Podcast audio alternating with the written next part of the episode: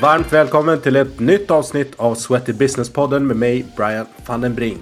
I det här avsnittet träffar vi Fredrik Karlsson, VD och grundare av Twitch Health Capital AB. Fredrik är en sann entreprenör med bakgrund från GIH och Karolinska Institutet. Han brinner för att skapa välmående medarbetare och mer produktiva företag. I närmare 20 år har han arbetat med företagshälsa och har i rollen som strateg hjälpt kunder som Spotify, Karolinska Institutet, Länsförsäkringar med flera. Nu kör vi!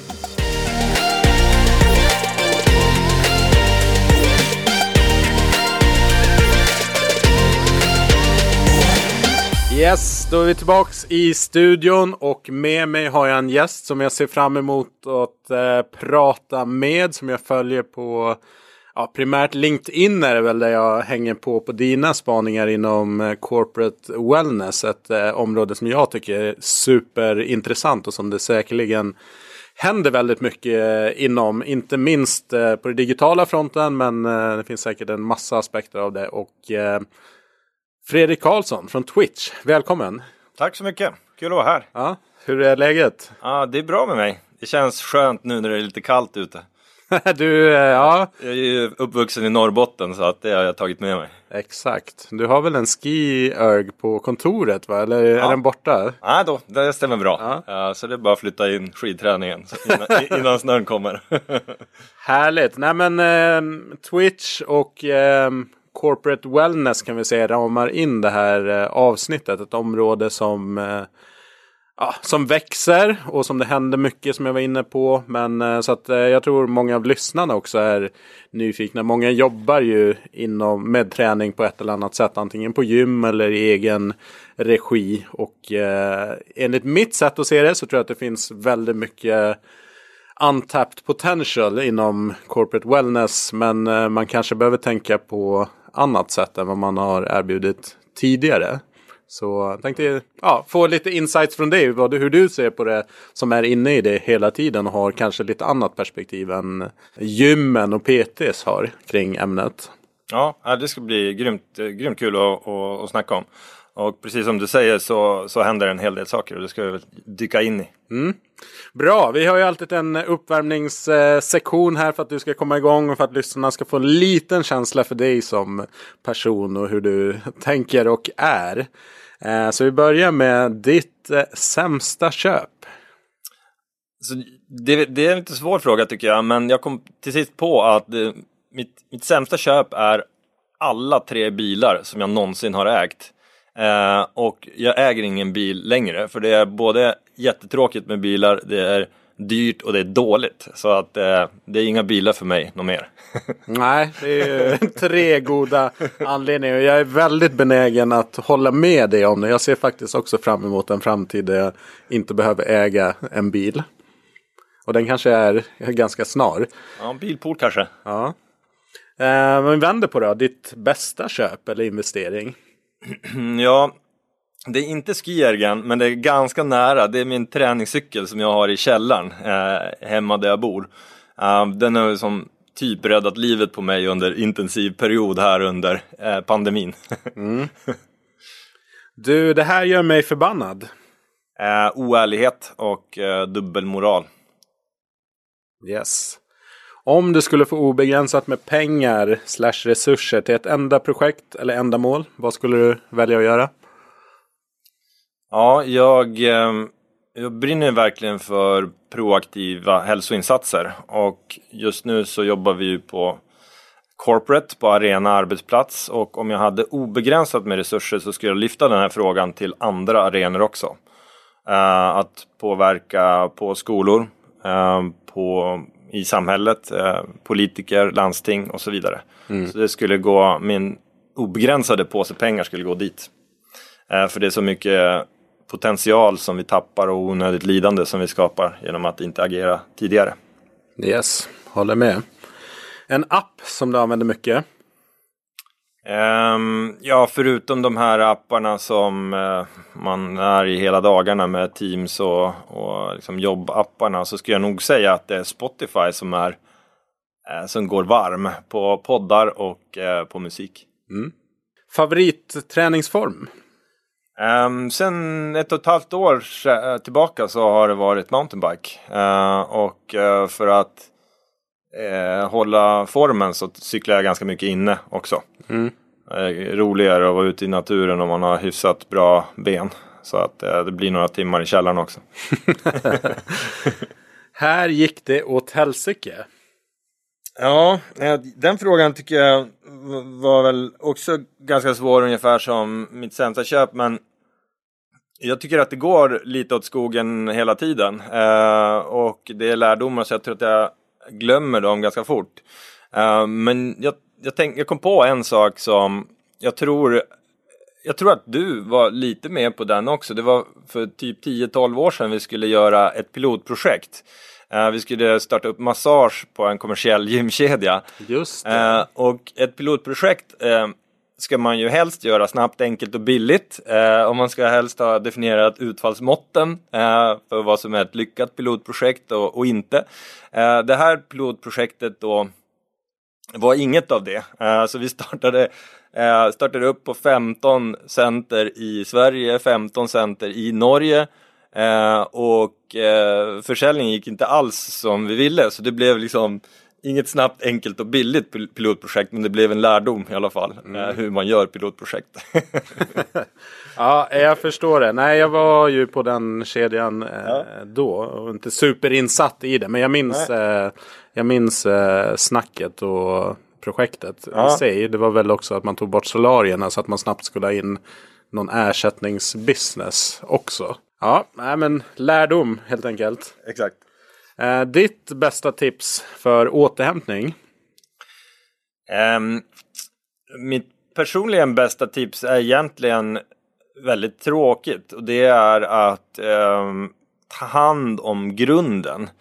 Um, mastering the basics. Uh, och det är att det är så många råd och tips som bygger på genvägar och annat. Men jag tänker på en grej som Torbjörn Åkerstedt, han, han är nu, nu professor emeritus i, i, inom sömn och eh, trötthet kan man säga.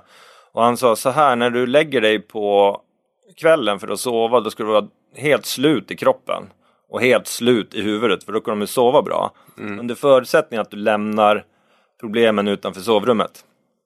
Så mitt trick för det är att eh, vara rejält trött i kroppen varje dag när jag lägger mig och huvudet är per automatik trött i. Eh, men också att ha ett externt system som jag litar på. Eh, att inte ha alla de här idéerna och to-do-listan och sådär i huvudet för det blir för tungt för, för mitt huvud i vart fall. Mm. Så eh, det är ett digitalt system bara, en, ett sätt att organisera mitt liv på. Så det är mitt bästa tips um, helt enkelt för det. Mm. Um, det här behöver företag och organisationer tänka om kring när det kommer till uh, hälsoarbete och kanske proaktivt hälsoarbete. Mm. Jag har en ganska lång önskelista men jag ska inte ta den nu. Vi kanske var snacka om det. ja, men om, man, om man konstaterar en del fakta då att ungefär 9 av 10 bolag, åtminstone 9 av 10 bolag har någon form av hälsoarbete eller hälsoaktiviteter på företaget.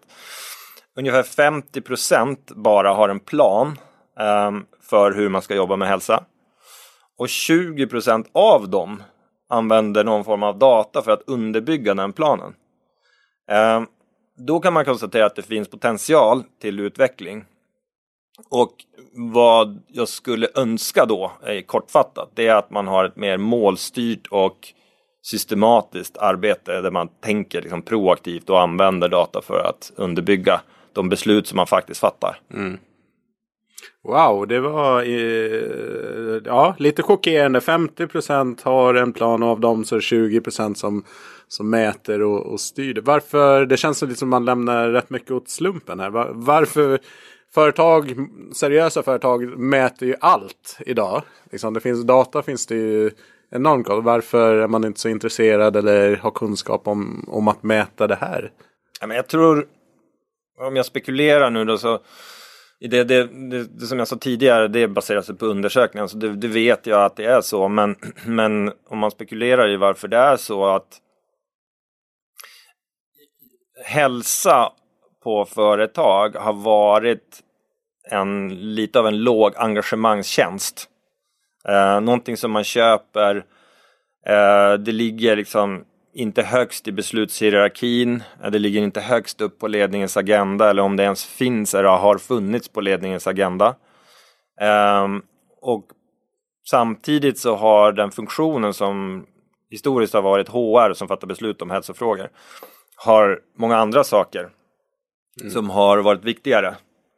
Uh, och då har man inte haft tid och ork att uh, förändra någonting inom det här området. Just det. Så jag tror att det är väl, det är väl mer det som har hänt. Um, sen har det ju Sen har ju saker och ting hänt de senaste två åren. Uh, som skakar om det här lite grann. lite grann. Jag misstänker att vi kanske kommer att prata lite grann om de sakerna. du, det kommer vi absolut. Men om vi börjar med i änden av Twitch. Om någon tänker så bara, jag har hört det. Någon kanske tror att det är en streamingtjänst eh, för ja, spel. och, och sådär. Men eh, i ett nötskal liksom, vad, vad är eh, Twitch? Eh, Twitch Health då för att vara, vara tydlig. Vi var ju före streaming Twitch. Exakt. Jag fick ganska många sms där när, när streaming Twitch såldes. Eh, då kompisar både skojade med mig och kanske inte visste det. Att, trodde att vi hade sålt bolaget för no, no, några miljarder. Det här var ju några år sedan. I alla fall, så man ska inte förväxla det med det. Men nej, vi är då ett bolag som har en rätt tydlig, ett tydligt uppdrag och drivs av en mission att skapa energi och välbefinnande för individ, företag och i samhället. Eh, och det gör vi genom att till vardags leverera digitala och fysiska hälsoprogram till företag som har ett proaktivt fokus. Det vill säga, vi jobbar, vi jobbar ingenting med rehabilitering utan vi jobbar innan kostnader och lidande uppstår med att eh, stärka friskfaktorer och skapa eh, grund för prestation. Och en annan sak som är viktig för oss det är väl att eh, våra lösningar har baserats på forskning och eh, genom hela vår existens så att säga. Vi har funnits i, som 20 år, i 20 år som bolag, 21 år faktiskt. 20-årsjubileet blev inställt på grund av mm, pandemin. Mm, Lite så. vi hade tänkt ha stor fest men vi fick tänka om. Um, så att um, det är en viktig käpphäst för oss, vetenskap och uh, beprövad erfarenhet. Mm. Nej men det märks. Jag, som jag sagt, jag följer det jag följer er på framförallt på LinkedIn. Och, och, ja, men det dyker upp med jämna mellan de olika eh, studier som ni är involverade i med Karolinska och så vidare. Så att det, det känns som att ni har på fötterna kring det ni pysslar med. Ja, rent personligen, jag är en av grundarna till bolaget och rent personligen tänker jag så att vi eh, för ju fram ett hälsobudskap till tiotusentals människor varje år och eh, då är inte det läge att chansa Nej. på att det kanske funkar. Eh, utan då får vi gå på det bästa man vet nu. Sen kan vi ha fel, det kan vi när det kommer annan fakta och andra studier men då får vi förhålla oss till det den dagen. Mm. Så du var med och grundade med, vad, hur kom liksom idén fram eh, 21 år sedan?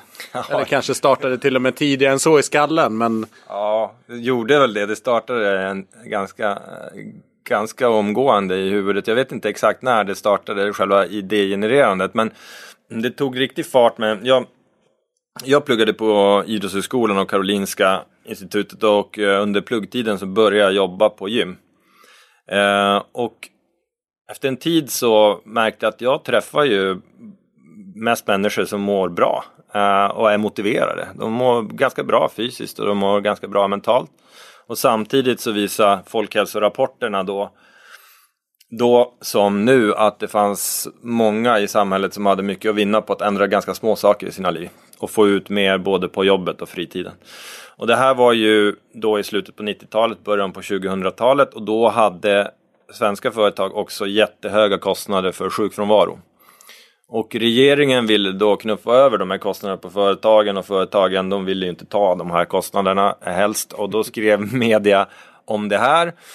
Och då var den andra frågan, förutom att hur vi ska nå de här människorna som faktiskt behöver hjälp och själva inte går på gym eller letar informationen själva. Så den andra frågan var hur kan vi hjälpa företag då att öka prestandan? Eh, öka produktivitet, sänka kostnader för frånvaro. Och svaret på, på, på de två frågorna blev då Twitch. Mm.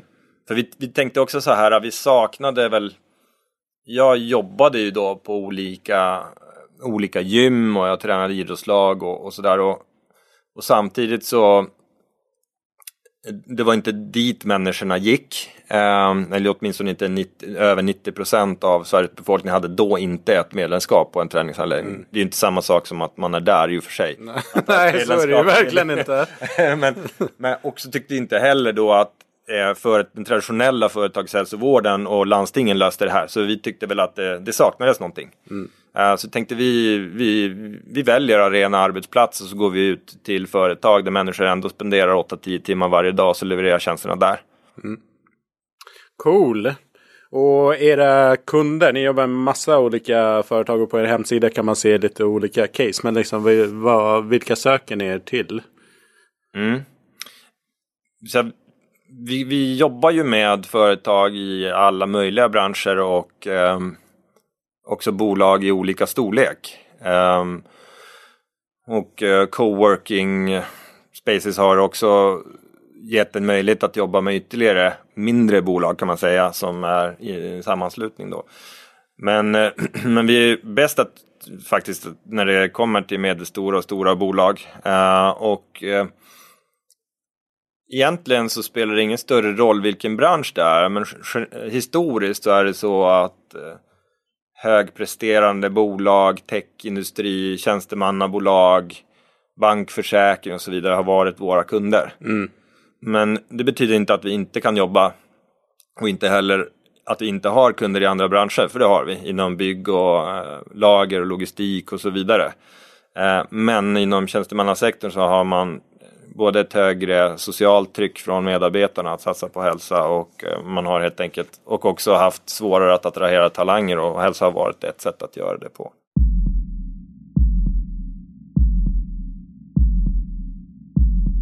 Kanske en stor fråga, eller det är en stor fråga, men om du skulle kunna koka ner det här. Vad, för dig, vad är ett modernt liksom, proaktivt hälsovårdsarbete för, för företag? Vad, vad innehåller det? Hur ser det ut? Mm.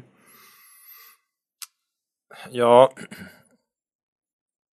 jag tror att det ordet som du säger, proaktivt, det är ju en, eh, en nyckel i det. Um, tittar vi på vad företag faktiskt investerar i så är det rätt många företag som fortfarande lägger en större påse pengar um, på reaktiva insatser. Um, när det kan vara allting från utmattningsproblematik, det kan vara konflikter i en grupp, eh, det kan vara bristande prestation. När det visar sig, då reagerar man. Och så mm. lägger man pengar på det och då har kostnader och lidande uppstått i onödan. Så själva proaktiviteten är en, skulle jag säga, eh, en utmärkande faktor i ett modernt hälsoarbete. Till skillnad från hur det har varit. Sen säger jag inte att alla är där. Ehm, sen som jag sa mm, där i inledningen också att, att man har ett mål för sitt hälsoarbete. Um, och att det målet också är kopplat till businessen. Till verksamhetens mål. För att de flesta bolag, om vare sig det är eh, liksom kunder som Spotify, Länsförsäkringar, som vars huvuduppdrag är ju inte att liksom leverera hälsa utan det är en streamingtjänst för musik eller det är en bra försäkringslösning för någon. Så um, så är det viktigt att man ser hälsa som en förutsättning för att kunna göra det uppdraget så bra som möjligt. Mm. Och den kopplingen behöver man göra för annars är det så lätt att hälsoarbetet ryker eh, i en tid när det blir annat som är viktigare att mm. göra. Um, sen skulle jag säga att en del som flera andra branscher så är det väldigt mycket prat just nu och man börjar nästan bli trött på ordet datadrivet.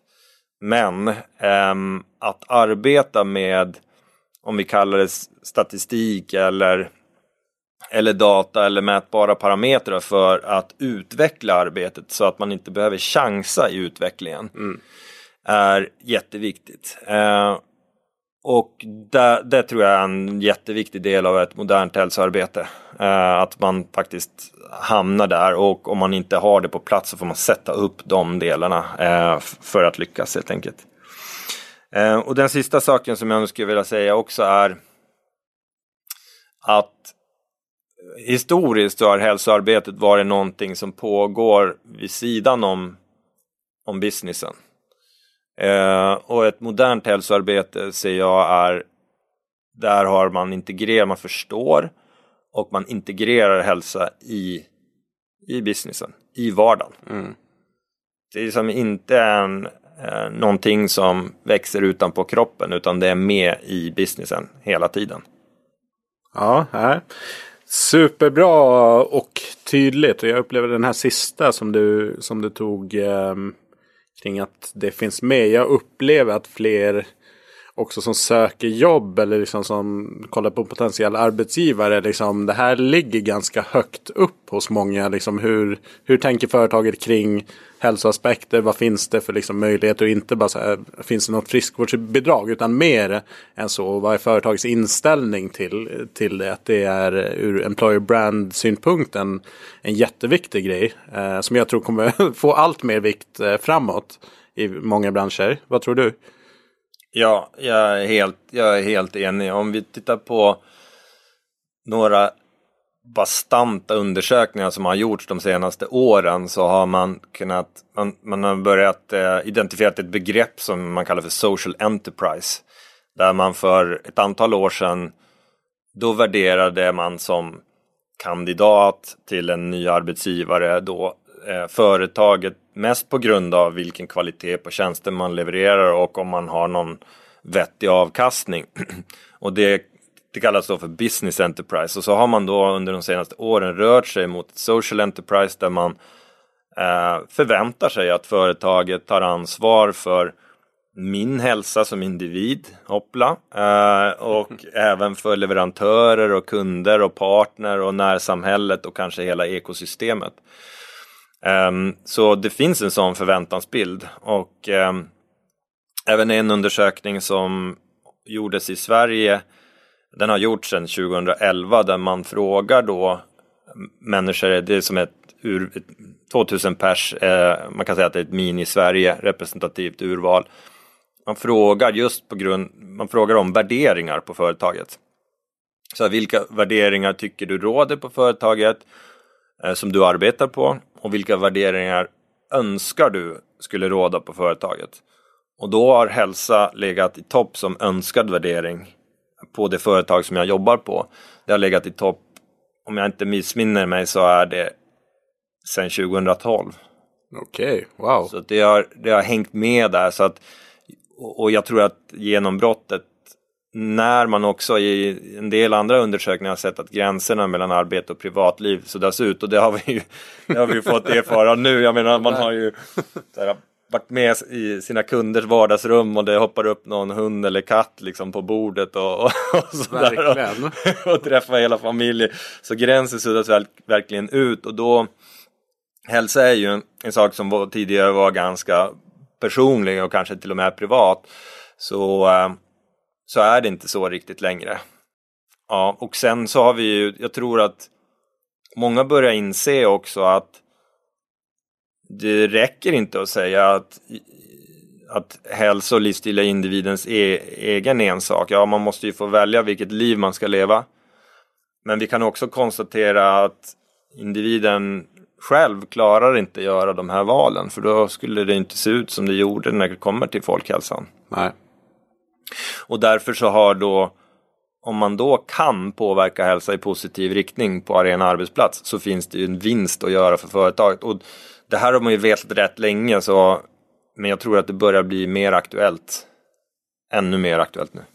Helt klart. Eh, varje projekt är såklart unikt men kan du ge någon så här typiskt uppdrag? Vad innehåller det och vad gör man för någonting? Mm. Så det första vi gör såklart om man, när vi går in och ska börja jobba med en ny kund är ju att eh, vi gör en behovsanalys och kollar vilken lösning som kan vara rätt för kunden. Eh, och då handlar det ju om att utgå från kundens nuläge och ambitionsnivå eller budget om man så vill eh, och också vilken utvecklingspotential man har. Men när det är klart så kan man väl säga att det är några typer av uppdrag och det enklaste kanske är att förklara det genom att berätta om något case som vi gör. Om vi tar ett uppdrag som vi har, det är, eh, vi tar Länsförsäkringen som case. Det går också att läsa mer om på, eh, om man vill det, i, på våra, i våra kanaler. Men, men där så är det, där tar vi hand om Länsförsäkringens hälsoprogram. Eh, och det betyder att vi levererar det består då det här hälsoprogrammet av att vi förbereder, genomför och utvecklar arbetet. Vi eh, levererar digitala och fysiska tjänster till kunden. Eh, en digital plattform som man kan konsumera hälsa eh, var som helst, när som helst och sedan även på plats eh, på det fysiska kontoret i form av gruppträning, PT, eh, massage, naprapati, en roll som vi kallar för corporate health coach eh, som är en rådgivande roll för medarbetarna. Mm. Olika typer av events och så vidare. Det är en, en, liksom en hög ambitionsnivå. Eh, en annan kan vara eh, som eh, vår kund Handelsbanken som vill aktivera medarbetarna globalt då och under pandemin. Eh, globalt och pandemi berättar att det blev digitalt. Ja, såklart. eh, så så rent, rent digitalt hälsoprogram som utgår från, eh, i, i det fallet då från Handelsbankens värderingar uh, och de, deras värdegrund är att också bidra till de globala hållbarhetsmålen och en hållbar värld. Eh, det tog vi fasta på, och konverterade det till beteenden och sen så gjorde vi ett eh, hälsoprogram där vi stoppade in de här sakerna och aktiverade några tusen människor över, eh, över klotet så att säga i, i de här olika typer av beteenden. Inte, såklart fysisk aktivitet var en del för det är viktigt för oss som, som människor. Men också um, acts of kindness, alltså beteenden som uppmuntrar mitt, min sociala hälsa eller stärker min sociala hälsa. Mm. Saker för min återhämtning och den mentala hälsan och så vidare. Eh, också ett ganska stort projekt. Eh, sen har vi många, som typ-case då, många kunder som vill komma igång snabbt, eh, enkelt. Uh, man kanske inte så många på bolaget, man behöver möta den här hybridvärlden. Och då använder man sig av Eh, till exempel då våran hälsoapp där man, man kan säga att det är enklaste sättet att beskriva det, det är som ett Netflix för företagets hälsa. Så okay. man kan konsumera olika typer av eh, pass inom fysisk, mental och social hälsa. Man kan snacka med varandra och man kan följa sin egen hälsoutveckling. Mm. Så det, det är liksom tre olika typcase beroende på ett stort bolag och behov och så vidare. Ja. Ja, det är superhäftigt. Det som slår mig eh, när du berättar. Det är liksom dels här hur från en, en, en, en leverans av corporate wellness för säg 20 år sedan. Fysiskt på plats, skicka en grupptränare, någon inspiratör sådär. Kanske inte ens med jämna mellanrum utan då och då. Så här, någon happening till att okej, nu är det globalt scoop. eh, ingen fysisk leverans utan digital alternativt liksom någon, någon, eh, någon hybrid och att också er värld och marknad blir så mycket större. Att man kan leverera till företag som, som är utspridda antingen i, i landet eller i en region men också globalt. Att det blir jäkligt eh, ja, kul kan jag tänka mig. Ja men eh, verkligen. I vissa fall så har vi ju haft Nej, men några av våra kunder har vi, då har vi haft en sån med klassisk corporate wellness, drift av ett hälsocenter eh, i ett hälsoprogram, förvisso med en bred syn på hälsa. Så inte bara träning utan även liksom mentala delar. Och vi har velat ta ett större ansvar, kanske nationellt eller, eller också nordiskt eller internationellt. Men eh, för att, det, för att det gick ju även innan att göra det innan pandemin. men då var det så här, ah, men hälsa ska vara, det ska vara rätt analogt och vi vill ha det här på, på plats och så vidare. Men när pandemin kom så var ju det en väldigt eh, stark digitaliserare så att säga. Ja, och då släppte de här barriärerna och vi fick förtroende att göra det på, på några ställen. Mm. Nej men det är klart att det gick att skala upp Men det, då blir det väldigt person, alltså det är alltid utmanande med ska, person, fysiska personer på olika ställen. Alltså det är nog råddigt att rodda på sin hemmaplan liksom med, med hitta kompetenser och personal och liksom hålla igång det. Och sen bara okej okay, nu ska vi öppna upp en filial i, vad vet jag, Litauen liksom. Ja. Var börjar vi någonstans? Ja. Men också utifrån kundens perspektiv där det har varit en fråga har varit att många företag har ju rätt stora kontor i de stora städerna. Eh, eller haft det i alla fall. Eh, urbaniseringen har ju varit en stark eh, liksom megatrend. Och så har man haft små kontor och om man tittar på listan över städer i Sverige så på den tionde största staden i Sverige är inte så stor.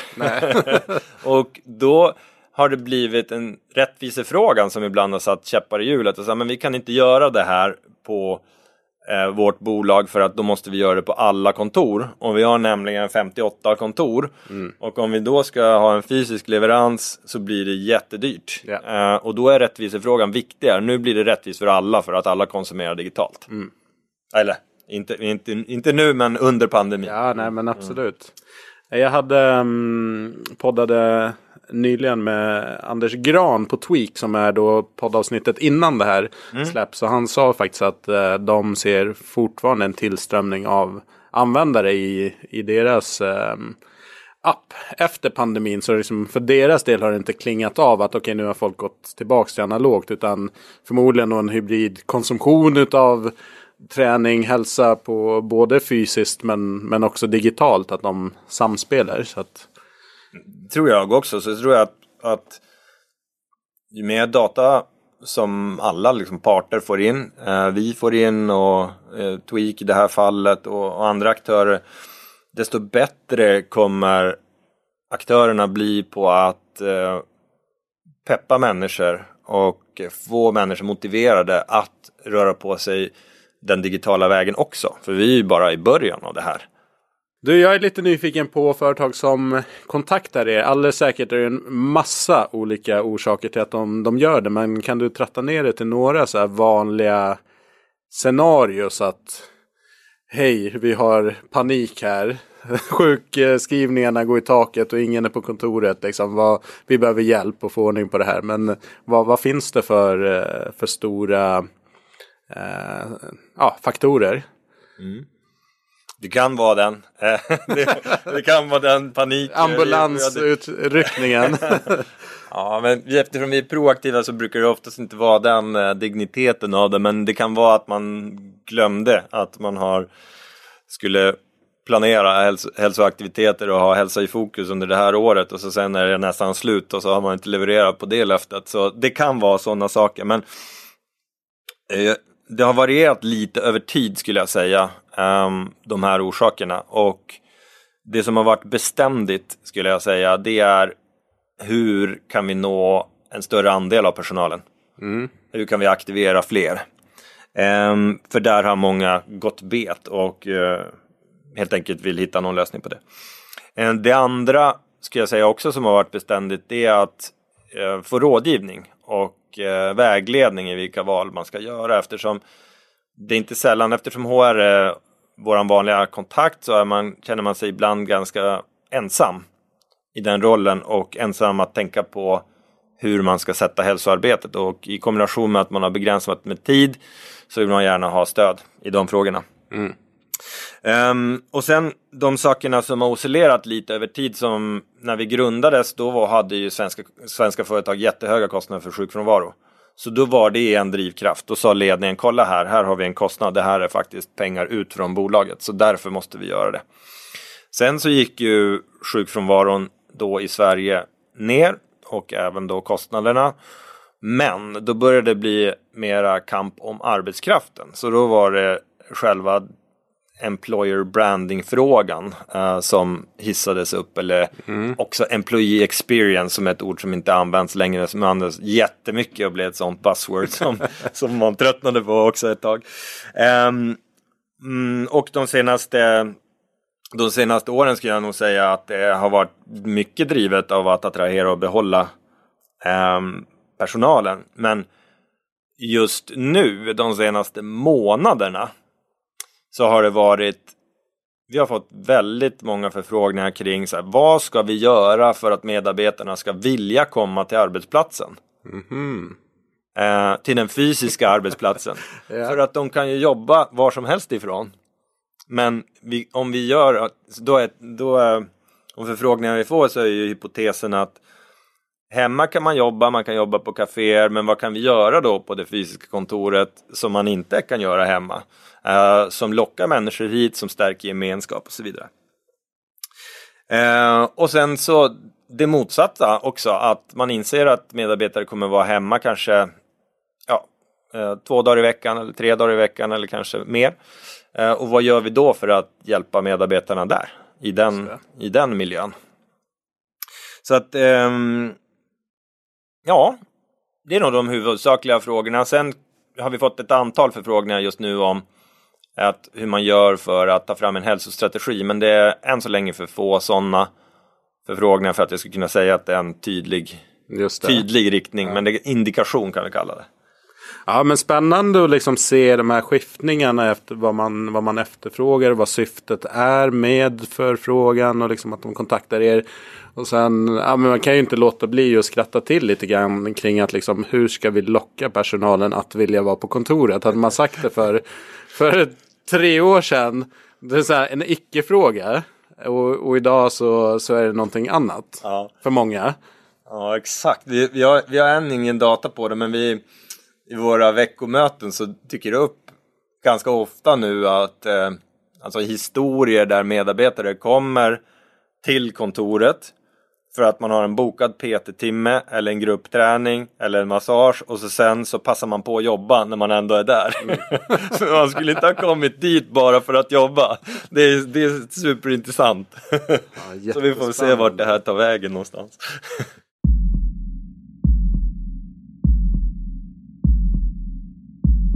Men om man tar på utmaningssidan då som företag och organisationer kan ha då kring eh, hälsoarbete. Vad skulle du säga när du tittar på det liksom är deras största utmaningar, era kunder?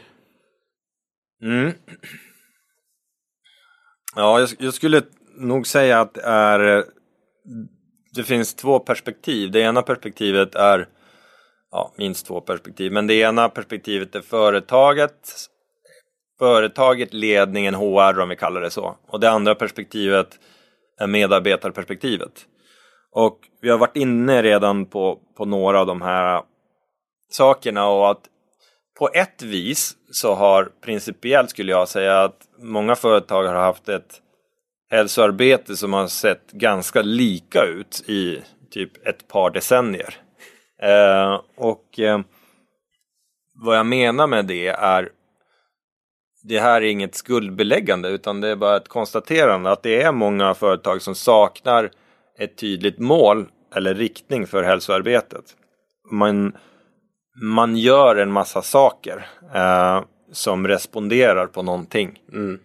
Eh, men man har inte tydligt satt en riktning och proaktivt väljer medvetet vilka aktiviteter man ska göra som tar en närmare målet.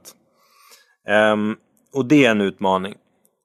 En utmaning i hälsa som många andra utmaningar, det är kommunikationen. Det som du jobbar med, Ryan, här. Så att din, din kompetens behövs än, även inom hälsoarbetet. För att många företag har ju hälsoprogram på plats, men medarbetarna känner inte till eh, att Alltså inte ens vet att det finns ett hälsoprogram. Och då kan man ju inte delta och då kan man inte skapa effekt. Um, så kan jag nog säga att generellt en utmaning är också att digitalisera. Mm. Det här kommer ju fort. Eh, och att hitta hem i det. Vad är det som faktiskt fungerar då på, i, i, de, i den hybrida världen. Just det. Ehm, vi möter ju det, vi har väl alla varit med i hybrida möten nu som är som haltar lite grann. Det går ganska bra om vi har digitala möten eller om vi har fysiska möten. Men det, går halvbra på de här hybrida mötena. Vi har några i rummet och några på länk och sådär. Mm. Dynamiken blir Stök. stökig. Eh, tekniken är inte riktigt där och sådär. Så, och, och på samma sätt så behöver man hitta hem på de här digitala lösningarna. Och för att göra det eh, så krävs det ett, en öppenhet för att utveckla tillsammans. Att kunden och leverantören eller partnern inom hälsa sitter på samma sida av bordet. Man tittar på utfallen av det man har gjort igen, använder data och så skruvar man på det och så skruvar man på det och så skruvar man på det och så blir man bättre och bättre och bättre och till sist har man en vettig lösning. Um, men det är en utmaning på företagen som jag ska säga då som står i vägen för det här är tidsbrist. Um, det är så mycket att göra på företagen att man hinner inte riktigt ta tag i en del frågor eh, och man hinner inte riktigt lära sig heller det här området så man vet inte riktigt hur man ska, hur man ska göra. Eh, man kanske inte ens hinner titta i den data som man har. Man kanske har data redan på, på ganska mycket men man, man kikar inte på det utan stoppar huvudet i sanden eller, eller hinner en, ens inte med det. Och det blir då en eh, konsekvens av det att man då inte lär sig är att man gör fler saker av det man redan känner till. Mm. Och det skulle jag säga förklarar då att man under pandemin har sett, vi har sett att många företag har gjort fler aktiviteter. Fortfarande inget mål, tydligt mål. Fler aktiviteter, man har höjt friskvårdsbidragen. Eh, för det vet man att man kan göra. Um, man, man kanske så här, fortsätter med uh, ja, men, slentrianmässiga investeringar inom hälsa. Och om man går från företaget till medarbetarna så är det några tydliga områden. Det är ju det som har dykt upp den senaste tiden såklart det är ju att det vi ser är en polarisering inom hälsa. Verkligen. Uh, och det är det mest bekymmersamma skulle jag säga. Um, som vi ser att personer som innan pandemin redan hade sämre hälsodata och mätvärden är de som har försämrat sina vanor negativt mest. Um, och det är då från en nivå som har, vi har ju, det är ju inte nytt, utan om vi tittar på kondition till exempel så har vi sett en nedgång i kondition i Sverige de senaste 25 åren inom alla kategorier. Vi har sett en ökning av psykisk hälsa som är också en utmaning. Psykisk ohälsa? Ja, psykisk ohälsa, förlåt. eh, psykisk ohälsa, eh, korrekt. En miljon svenskar äter antidepressiva läkemedel idag. Eh, så det, det, det är tokigt. Så de utmaningarna kvarstår ju.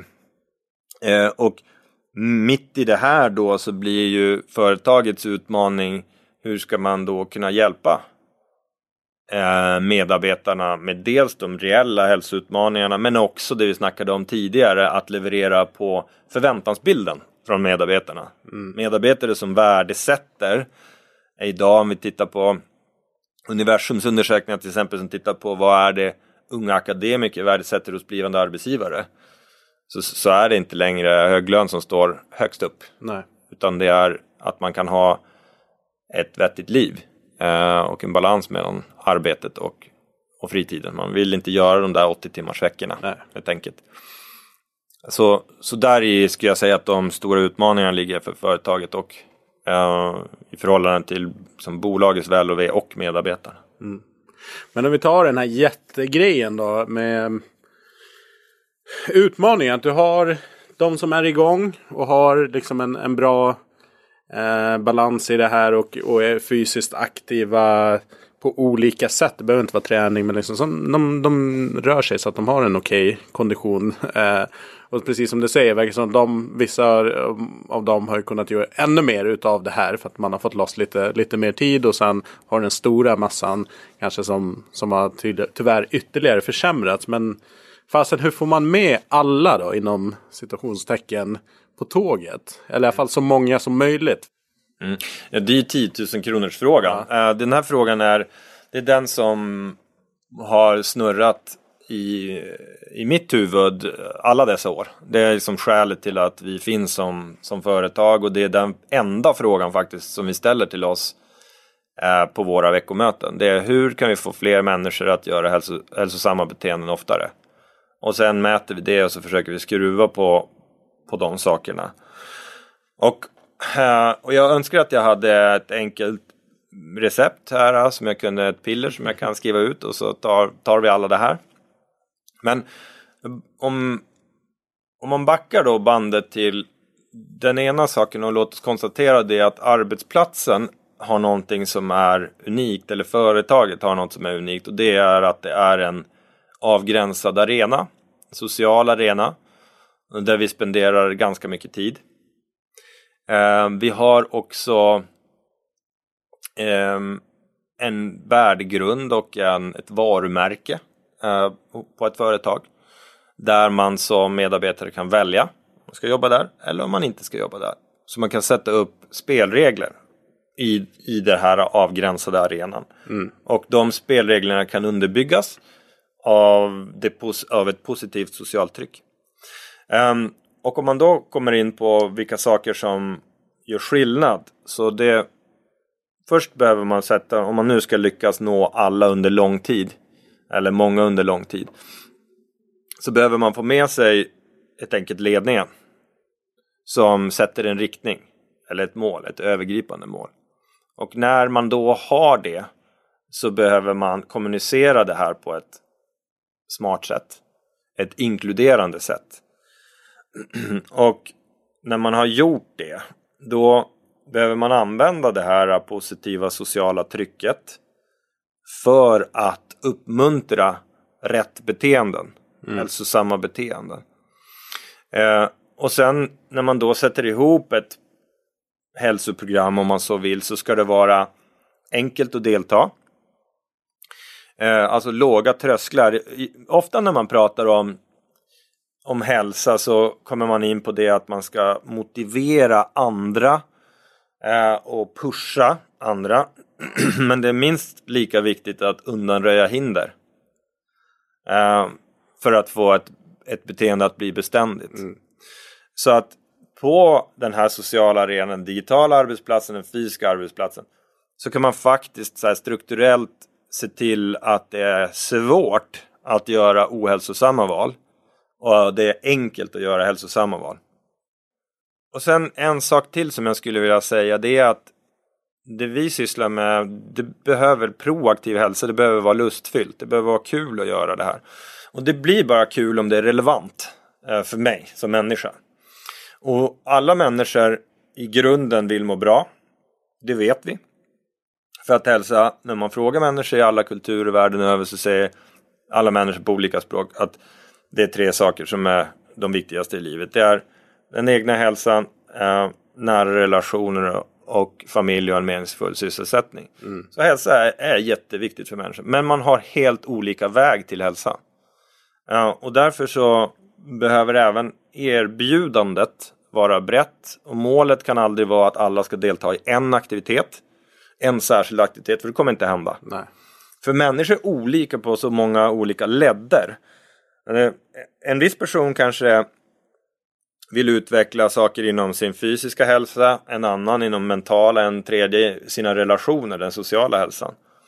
Eh, och hur man gör det kan också variera och vilken nivå man befinner sig på inom de här områdena kan, kan variera.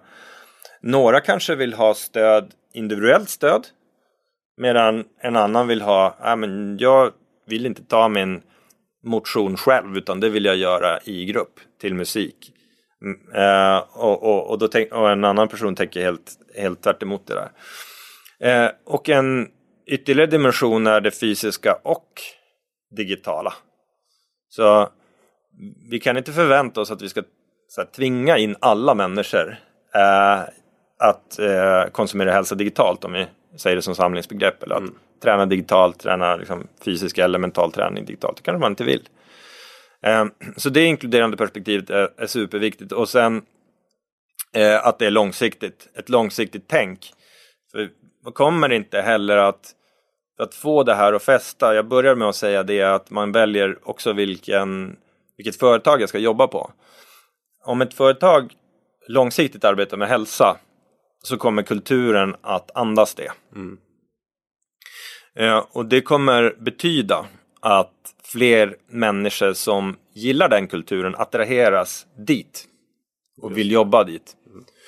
Och då blir det självförstärkande. Men det tar ganska lång tid eh, innan kulturen som summan av människors beteenden faktiskt andas hälsa. Om, om jag inte är närheten av det som företagsledare i, en viss, eh, eh, i ett visst läge. Då. Så det var ett, ett jättelångt svar på hur man får med alla. men, Ja, men det det är för att jag har Ja men det är väl de sakerna som vi har sett har varit jätteviktiga genom åren. Nej, jag förstår det. Det är en, det är en jättesvår fråga. Varför också jag satte den liksom inom citattecken. Och det är bra att du nyanserar liksom, ur, ur så många olika perspektiv och ledder och nivåer som, som man behöver tänka till kring. Så att eh, ambitionsnivå ett, liksom om man ger sig in i det här kanske inte är att man blir besviken om inte alla är med. Men att om man bygger, som du är inne på också, över tid.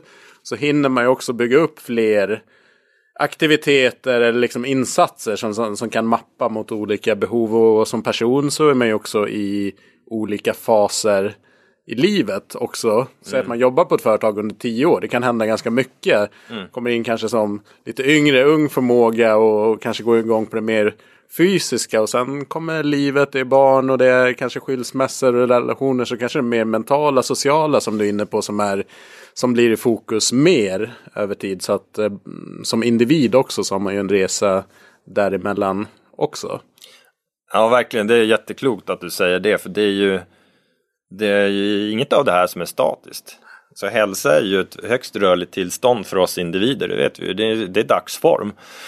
Eh, men, och, och så är det även motivationen att ta tag i saker. Vi har väl alla varit med om det i lägen i livet där så här, man, man vet att ja visst, jag borde ta tag i det där men jag orkar inte det just nu. Det får bero ett tag. Ehm, och vi har alla vänner som man pratar om kommer till livsstilsförändringar om en eh, beteendeförändringstrappa. Transteoretiska modeller, stages of change heter den på engelska. Då första stadiet är förnekelse. Eh, och vi har alla vänner som man ser på personer och man säger till personen att Hörru, jag bryr mig faktiskt om dig, jag, jag ser det här. Och då säger den personen kanske skämta bort det eller kanske blir vresig till och med.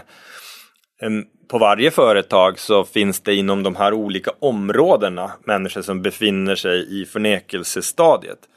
Och att vi som hälsoleverantör eller att chefen ska kunna ändra det. Det är ganska långsökt. Eh, Men över tid så finns möjligheterna och vi kan leda och nudga i rätt riktning. Men att, att jag skulle kunna säga till dig hur du ska leva ditt liv, det tror jag inte kommer hända. Liksom. Det kommer inte funka så bra.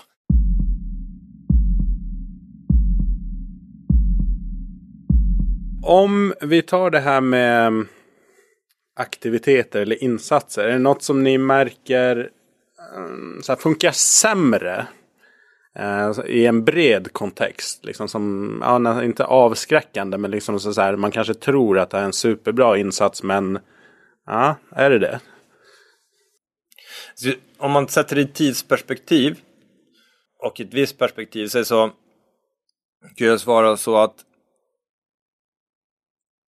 så här, om målet är att få med, nu sa du också bred kontext, men det perspektiv som vi har är att vi har inte som ambition att, eh, att en enskild aktivitet ska attrahera alla. Just på grund av att människor är olika. Eh, och varje egentligen specifik aktivitet inom hälsa kan vara avskräckande för en viss målgrupp och väldigt tilltalande för en annan. Just det. Och det är helt okej. Eh, över tid så har vissa områden varit liksom, no-go zone i vissa organisationer. All right. Eh, vi hade mm, ganska många år sedan så hade vi på ett bolag så vi gjorde ett misstag eh, och eh, i en organisation som hade en ganska tydlig kultur och eh, vi hade ju behövt förutse att vi hade skulle ha kommunicerat på ett annat sätt så vi ville köra mindfulness för det gänget.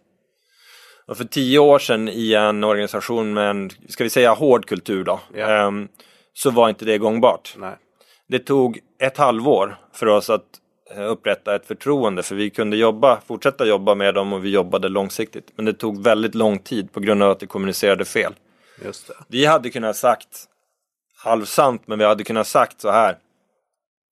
Eh, nu ska vi göra det atleter har gjort i många år, nämligen mental träning. Uh, och det gör vi för att vi ska kunna bli starkare i det arbete som vi utför. Då hade vi inte haft ett halvårs uppförsbacke. Så det var en sån aktivitet som vi inte kunde sälja in då. Um, och så man, man tänker sig, och jag skulle säga att i viss mån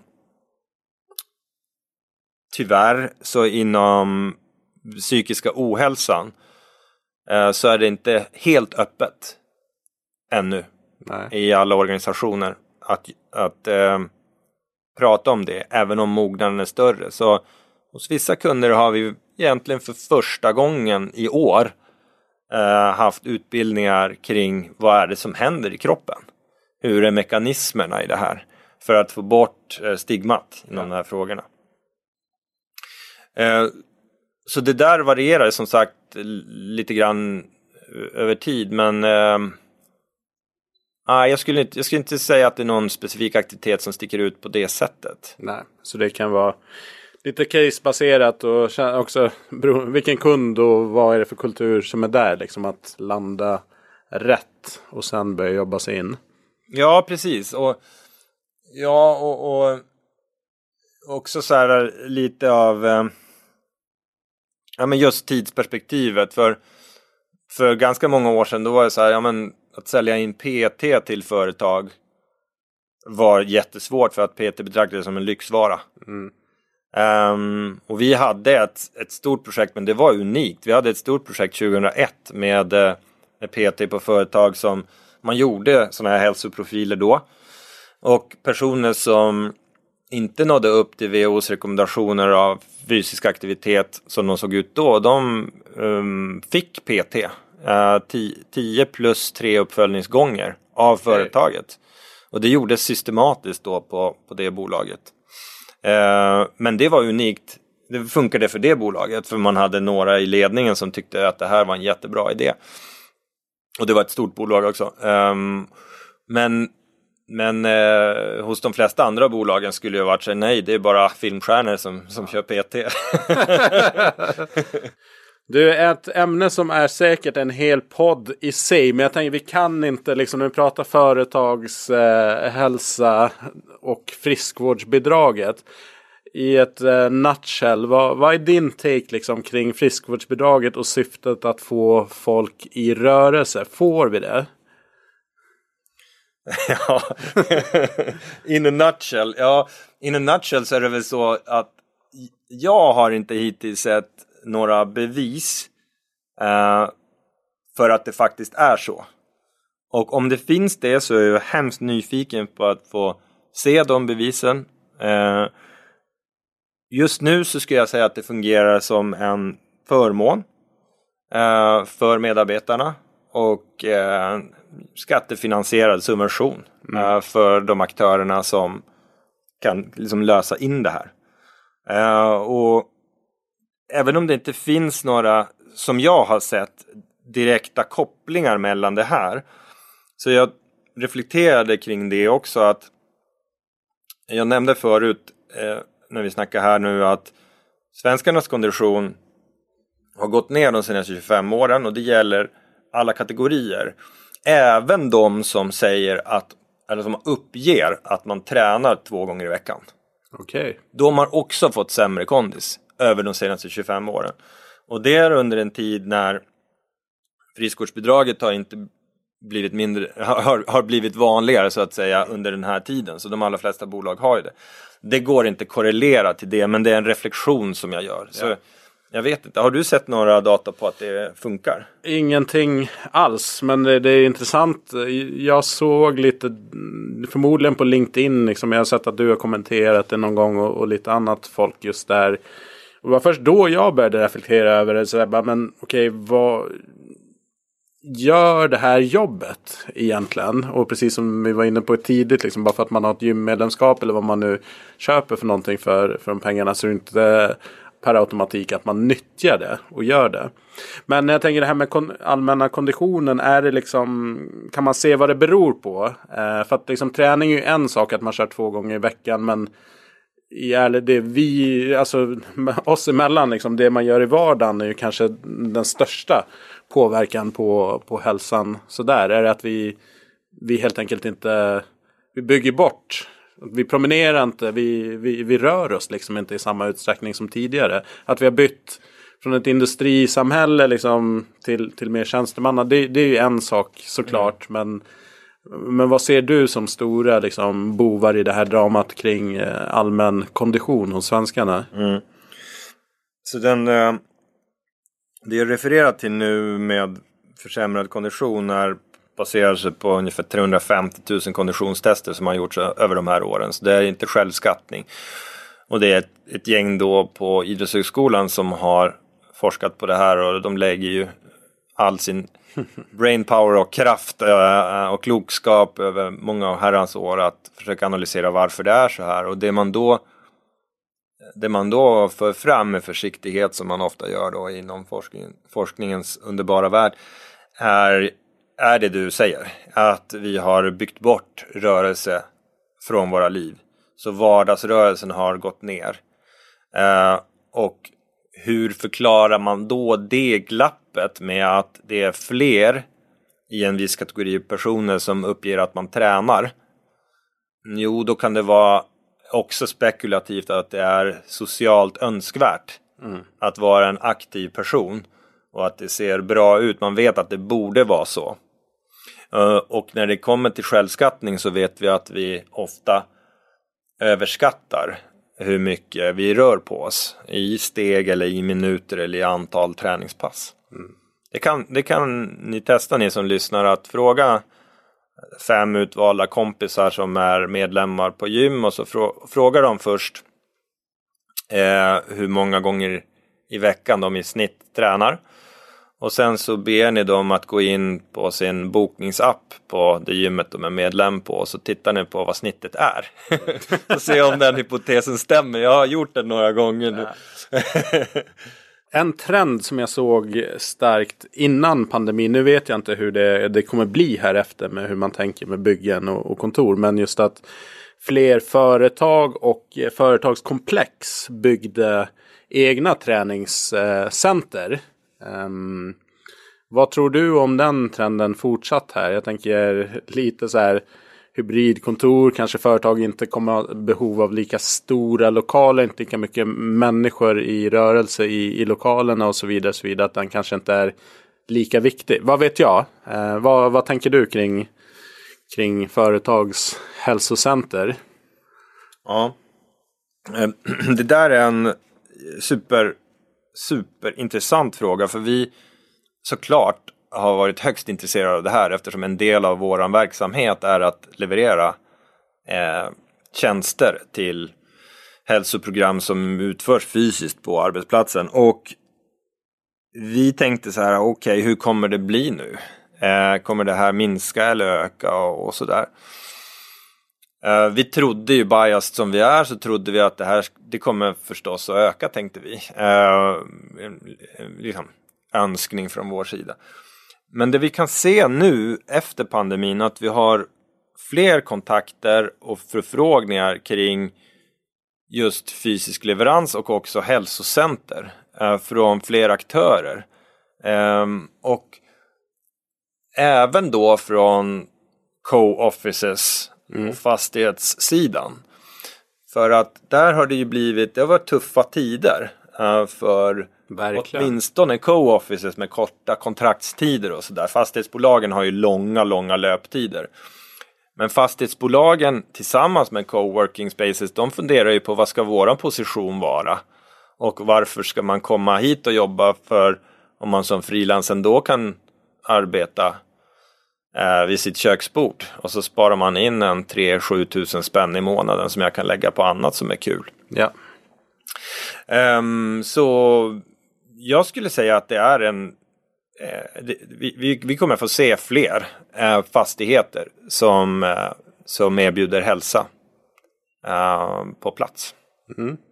Kul, bra att den eh, trenden inte bryts här. Eh, och jag kan känna logiken i det. Att, ja, men varför skulle man inte vilja ha det nära? Att ta bort trösklar så mycket som möjligt. Att, nära, men också att vara en attraktiv arbetsplats, arbetsgivare eller coworking space. Att man, man har de bekvämligheterna och tjänsterna som man som företagare eh, vill ha gärna. Ja exakt och det många företag uppger är att man har förlorat lite av gemenskapen utanför de här teamsmötena. Det är bra i din arbetsgrupp att du, det är effektivt med liksom 8-10 pers och du gör det, men vad är bolaget då? Mm.